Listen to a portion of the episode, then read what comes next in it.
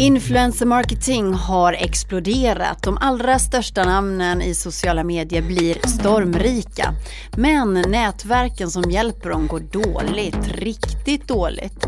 Vi ska också förklara varför Facebook vill gömma dina likes och så har vi tagit reda på vad som är farligast, att cykla eller att åka den utskällda elsparkcykeln.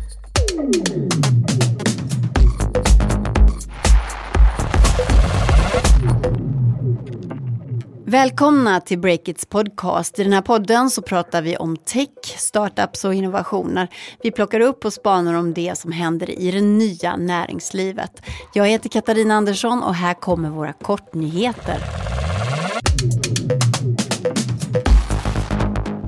Veckans Affärer läggs ner av Bonnier. Affärstidningen som bland annat utser årets näringslivskvinna varje år kommer att sluta existera vid nyår. Bonnier som ägt tidningen sedan starten tog beslutet i veckan och förklarar att tidningen inte passar in i företagets profil. Tio medarbetare får sparken. Svenska hästnät som fungerar ungefär som Blocket men som har specialiserat sig på hästar och allt som har med hästar att göra är nu redo för att galoppera ut i världen. I veckan avslöjades nämligen att de köper Europas största marknadsplats för husdjur, Pets for Home, för 165 miljoner kronor. Sverige tar över husdjurs-Europa kan man säga. Vi har ju tidigare pratat om fejkkött och vegotrenden som sveper över världen. Och i veckan meddelade Silicon Valleys stjärnentreprenör Elon Musk att Tesla modell 3 är helt vegansk. Han har rensat ut all läderklädsel och så har han till slut lyckats göra en eluppvärmd ratt som inte är läderbaserad. Innan vi drar igång veckans spaningar så ska vi berätta att Breakits eventsäsong, höstupplagan, nu rullar igång. Och först ut är Scale Up Day som Breakit kör i Stockholm, Göteborg och Malmö. Olivia, Breakits eventchef, vad är det för kunskaper som man kan hämta hem på Scale Up Day? Jo, men så här. Vi, eh, vi själva är ju en, en startup på väg till scale-up. Så att vi har ju verkligen stenkoll på vad man som bolag i den här fasen vill veta. Eh, så att eh, till vår hjälp har vi då bjudit in massa experter som har gjort den här resan själva och skalat bolag. Vi har precis fått in Petter Stordalen till eventet i Malmö. Eh, Jan Karlsson, gamla SAS-Janne, eh, kommer till eventet här i Stockholm. Eh, och i Göteborg så kommer dels Pernilla Nyrenstam från Revolution Race. Så vi har ett helt gäng väldigt bra namn. Mm. Och om man vill veta mer, köpa biljetter, hur gör man då? Då går man in på breakit.se event och klickar sig in till Scale Up Day.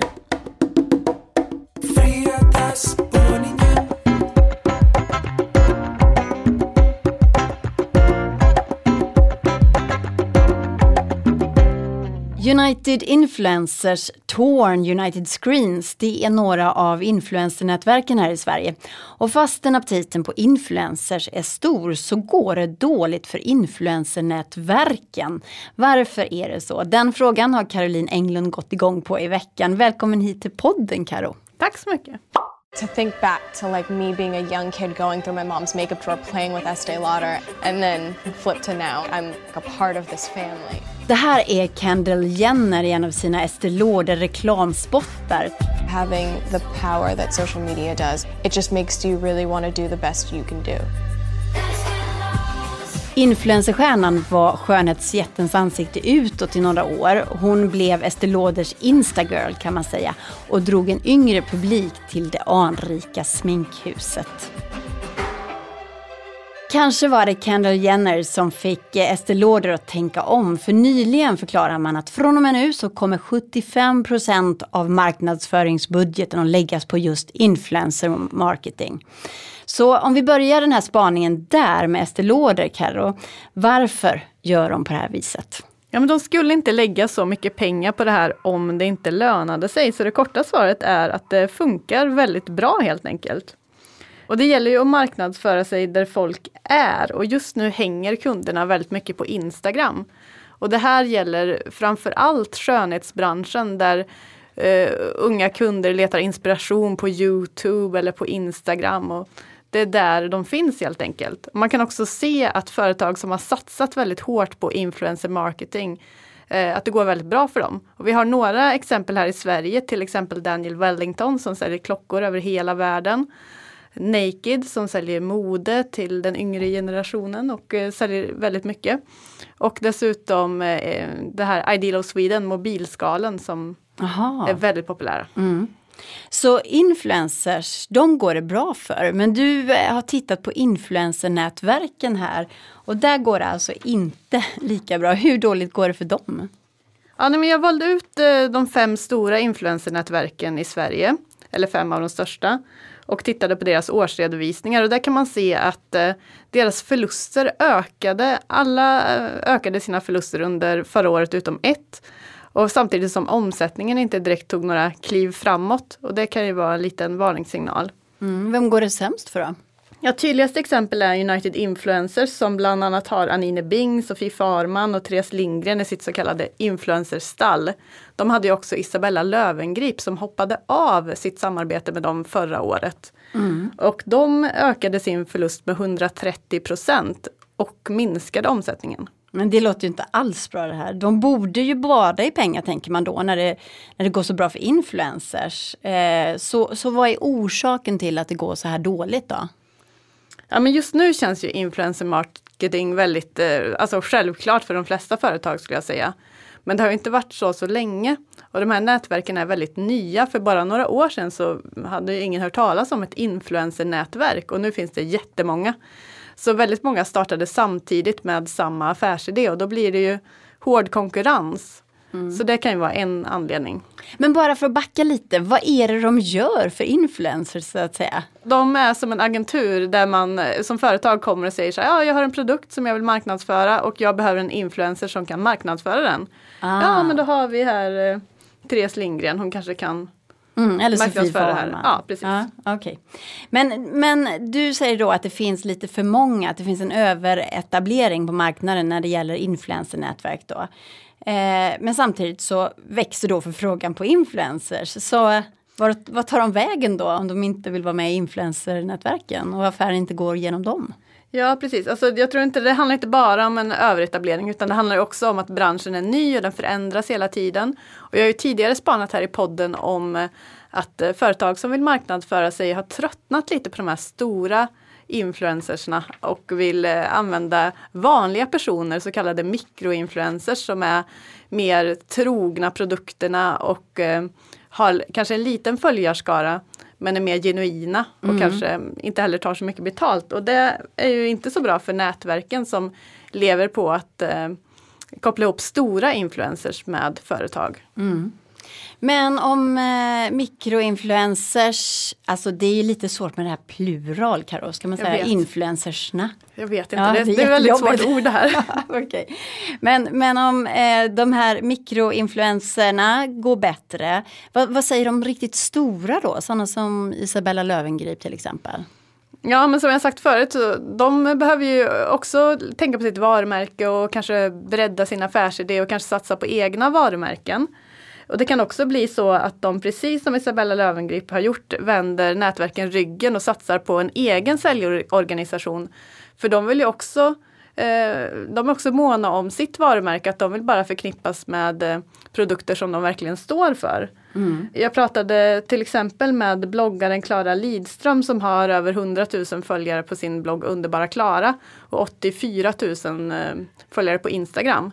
Hon valde redan 2016 att eh, lämna Bonnier som plattform och eh, satsa på egen försäljning via ett eget säljbolag för att eh, hon ville ha liksom långa genuina samarbeten. Mm, det, det, här är en, eh, det här är ju en spik i, i kistan då för, för nätverken. Vad ska de göra för att vända den här trenden då?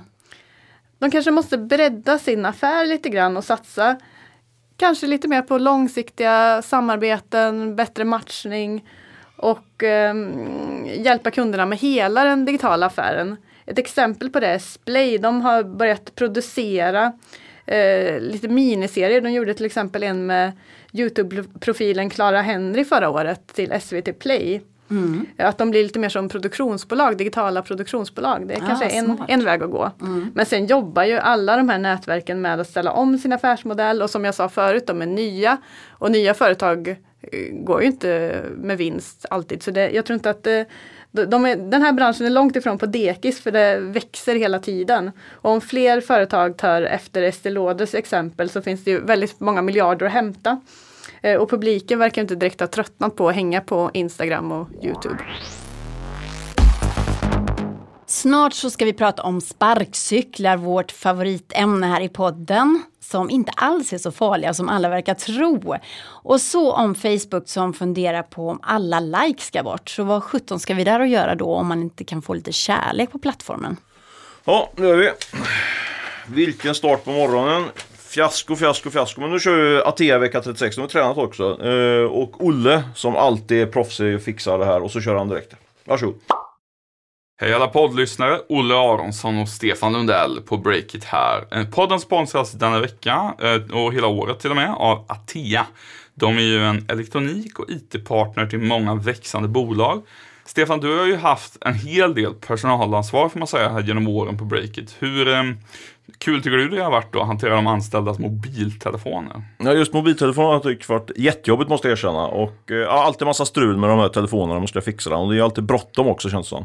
Ja, och man känner samtidigt aldrig att man kan riktigt prioritera det. Men de anställda måste ju ha grejer som funkar liksom. Ja, det händer alltid när man inte har tid. Så är det, men Atea har ju faktiskt en lösning på allt det här. En tjänst som heter Atea Smartphone. Då tar de hand om allt krångel med företagstelefoner. Snabb service och support och bytestelefon när någonting går, som går sönder och behöver lagas snabbt. Yes, och dessutom får du förlängd tillverkargaranti eh, till 24 månader och när en enhet eh, har använts i två år så får man en ny. Den gamla tar Atea då hand om för antingen återanvändning eller återvinning. De har ju en strikt eh, miljöpolicy, vilket vi tycker är jättebra. Verkligen. Vill du veta mer om det här så surfa in på atea.se. Gör det direkt om du tycker att det här låter spännande. Tack Atea! Tjena Jon! Hej! Karo har sänkt micken och så kommer Lång-Jon. Jag vet inte. Hur, Du kan, ju också, jag, jag du kan, kan ju också höja den med en gång. fast jag kan inte höja. Nej men du kan lyfta upp den. Oh! Wow! Hjälp! Fuck! Nu ramlar hela studion. Antar att, att du spelar in detta. Ska vi ta med det här? När studion rasar ihop. Har vi koll på poddutrustningen nu då? Allting står som det ska. Jag vet inte, vi får se. Det beror Vi på kör. hur yviga vi, Vi blir. kör. I veckan så avslöjades att Facebook gör tester med att dölja likes både på Facebook och Instagram. Och tummen och hjärtat kommer alltså bli mindre synliga. Varför gör de så här? Jon Wahlqvist, poddredaktör, du har tittat närmare på det här. Jo, det har jag. Eh, och till att börja med Kat kan man ju säga att både du och jag är ju faktiskt så himla gamla. Så vi kommer ju ihåg hur det var innan det fanns tummar upp och sånt på eh, Facebook. Minns du hur det var? ja, knappt. Men jag har något vagt minne av att det fanns en tumme ner på Facebook. Men stämmer det? Jag har också ett sånt minne. Ja. Men eh, det stämmer inte. Det fanns ingen tumme ner, har aldrig funnits. Nej, alltså för ett par år sedan så gjorde faktiskt Facebook ett liknande sådana här tester Mm. med en tumme ner. Men de skrotade man faktiskt för eh, om man sa man vill inte ha en negativ plattform. Ungefär Kan du så. tänka dig egentligen Jon, hur en, hur en plattform som inte ens har en tumme ner kunde bli en sån skithög av hat och hot emellanåt alltså? Ja, du, men, du menar att man kan, man kan inte vara taskig mot varandra men ändå så är människor det. Ja, det är Ja, helt ja. otroligt egentligen. Den där tummen här kanske inte gjort så himla mycket, eller hur? Nej, När man kan skriva hemska kommentarer istället. Mm. Ja, men nu är det så här med, med, eh, vad sa du, att nu skulle alltså likesen och tummarna gömmas. Ja, lite så kan man säga. Man, man håller på att göra lite så här tester nu säger man. På, eh, eh, för att kolla liksom vad som händer då. På Instagram till exempel, det ägs ju av Facebook faktiskt. Där testar man att eh, gömma hur många hjärtan ett inlägg har fått. Det vill säga du kan se det själv men din kompis som går in på ditt konto kan inte se det. Det här testar man i Japan och eh, på Irland bland annat. Då. Och då frågar jag ju helt osökt att det var ju det jag trodde var hela poängen med att man skulle få massa kärlek på de här plattformarna. Så om man då inte ser att någon gillar ens inlägg, eh, varför kommer man upp med den här idén? Den verkar väldigt konstig.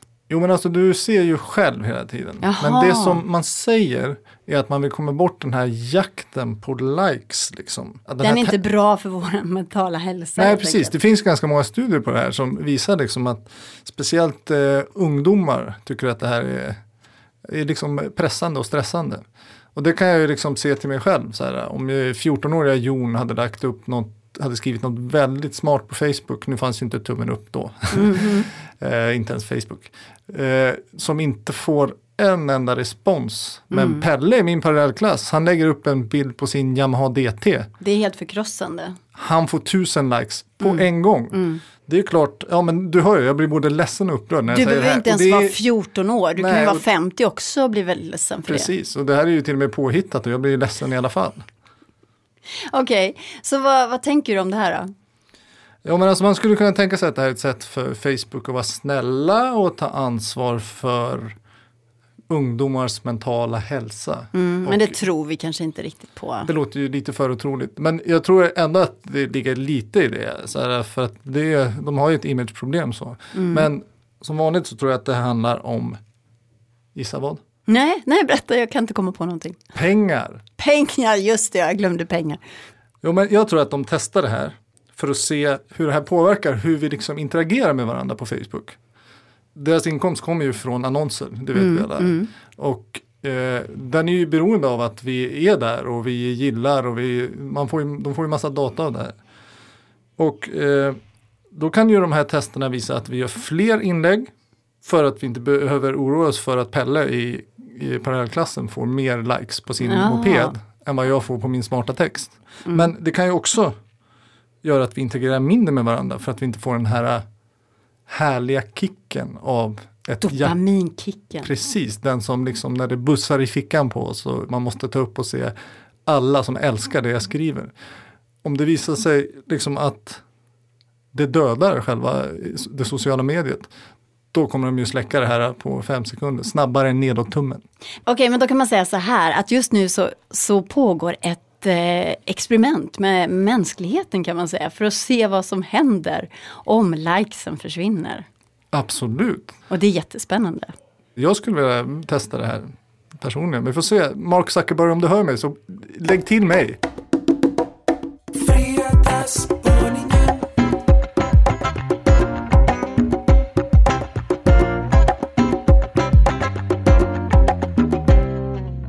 Antalet olyckor eh, ökar snabbt och nu ska Transportstyrelsen utreda elsparkcyklarnas framtid. Men hur farliga är de egentligen? Breakits Erik Wisterberg har djupdykt i den här statistiken. Välkommen hit. Tack så mycket och för alla lyssnare som inte bor i Stockholm ska jag dra en kort lägesbeskrivning.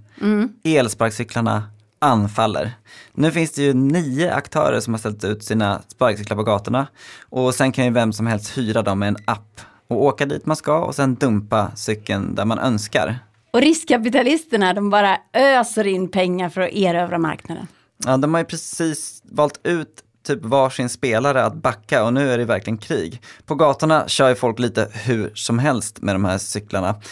SVT rapporterade nyligen att olyckorna ökar snabbt. En person har ju dött i en olycka på en Voi och 241 har skadat sig så pass allvarligt att de tvingats uppsöka sjukhus. Så vad gör vi alltid i Sverige? Vi förbjuder. Nej, nej, nej. Vi utreder. Eh, faktum är att mitt bostadsområde från 50-talet som första område i hela Sverige byggdes efter radhusutredningen. Känner du till Ah, den? nej, det känner jag inte till. Man utredde hur man skulle bygga radhus. Och nu så ska man då utreda om det behövs mer regler eller tydligare regler eh, gällande de här elsparkcyklarna. Och, och just det där med att olyckorna har blivit fler, det har ju blivit lite av en följetong och det blir svarta rubriker i stora medier som SVT. Men då undrar man ju, är det egentligen så farligt? Voi, som är den ledande aktören i Sverige, de vill ju såklart då sätta en annan bild av det här. De pekar på att det har gjorts miljontals resor med deras elsparkcyklar och att antalet olyckor är litet i förhållande till det. De sa så här, det finns inga konkreta eller tillförlitliga siffror som stödjer att elskotrar skulle vara mindre säkra än andra transportmedel. Det skrev de i ett mejl till mig då. Du har tagit fram dina älskade Excel-ark antar jag. Och så har du räknat. Vad har Ja, du kommit fram till? Självklart, sanningen bor ju alltid i siffrorna. Ja. Men det var lite svårt där. Men jag vill ju jämföra med hur det ser ut för cyklar. Och tänkte att jag skulle komma med ett glasklart svar.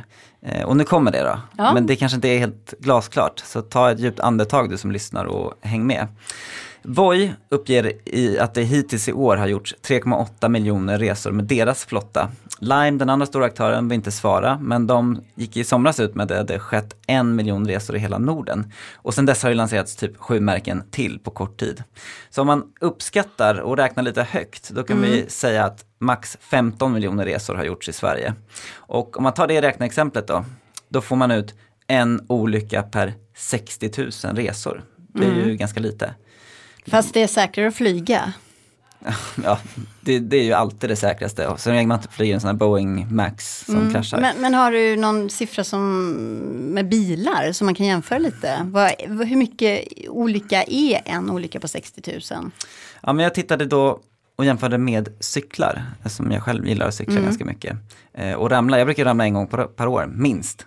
Det händer ju och Ja. eh, 2018 så skedde det drygt 2000 allvarliga olyckor med cykel enligt officiell statistik. Trafikverket säger att det sker över 10 000 vanliga cykelolyckor per år. Och MSB, Myndigheten för samhällsskydd och beredskap, de säger att drygt 23 000 personer uppsöker ett akutsjukhus efter att ha skadats som cyklist. Så det är ett ganska brett spann. Men det är ju fler som cyklar, vanliga cyklar, än de som eh, åker sparkcykel. Ja, faktiskt är det 1,7 miljoner cykelresor i Sverige varje dag. Okej, vad fick du fram för siffra där då? Ja, men det beror ju på vilken av de här siffrorna man litar på då. Men tar man de högre siffrorna, Jag tänker inte lita på några av dina siffror. då, då ser man ju att då är det inte säkrare att cykla än att åka elsparkcykel. Utan Aha. tvärtom. Ehm, Men man får ändå ta med sig att mörkertalet kan vara stort på de här elsparkcykelsiffrorna för att det är en ny företeelse och polis och sjukhus kanske inte rapporterar in det riktigt. Så jag tror nästan att vi får liksom återkomma eh, när det finns mer statistik då. Mm, men då kan du bara stoppa in de riktiga siffrorna sen som kommer, de säkra siffrorna i ditt Excel-ark och sen är vi hemma. Precis. Finns det något hot i och med det här att det har blivit svarta rubriker och sådär och att Transportstyrelsen nu ska utreda? Finns det något hot mot bolagen bakom elsparkcyklar? Jag tror att alla fattar att folk kommer ramla lite nu och då och har man inte hjälm på sig så kan det gå illa. Men jag skulle nog säga att de själva är det största hotet mot sig själva. I alla fall här i Stockholm. För nu har det blivit en så här otrolig överetablering. Precis det som inte skulle hända. När det står drösvis med elsparkcyklar överallt, på cykelbanor, på trottoarer i stora klungor på heta ställen. Och risken är att städerna känner sig tvungna att agera. Och man kan ju, som Andreas Cervenka gjorde i DI i en krönika, ifrågasätta varför just de här riskkapitaldopade kommersiella aktörerna ska få använda våra gator och torg som gratislager och försäljningsyta samtidigt som foodtrucks och liksom blomsterhandlaren på torget får betala för att vara där. Breakits podcast sätter punkt. Vi är tillbaka nästa vecka. Härligt! Ansvarig utgivare för den här podden är Olle Aronsson. Jon Wahlqvist är poddredaktör. Fredrik Nilsson står för mix. Och själv så heter jag Katarina Andersson.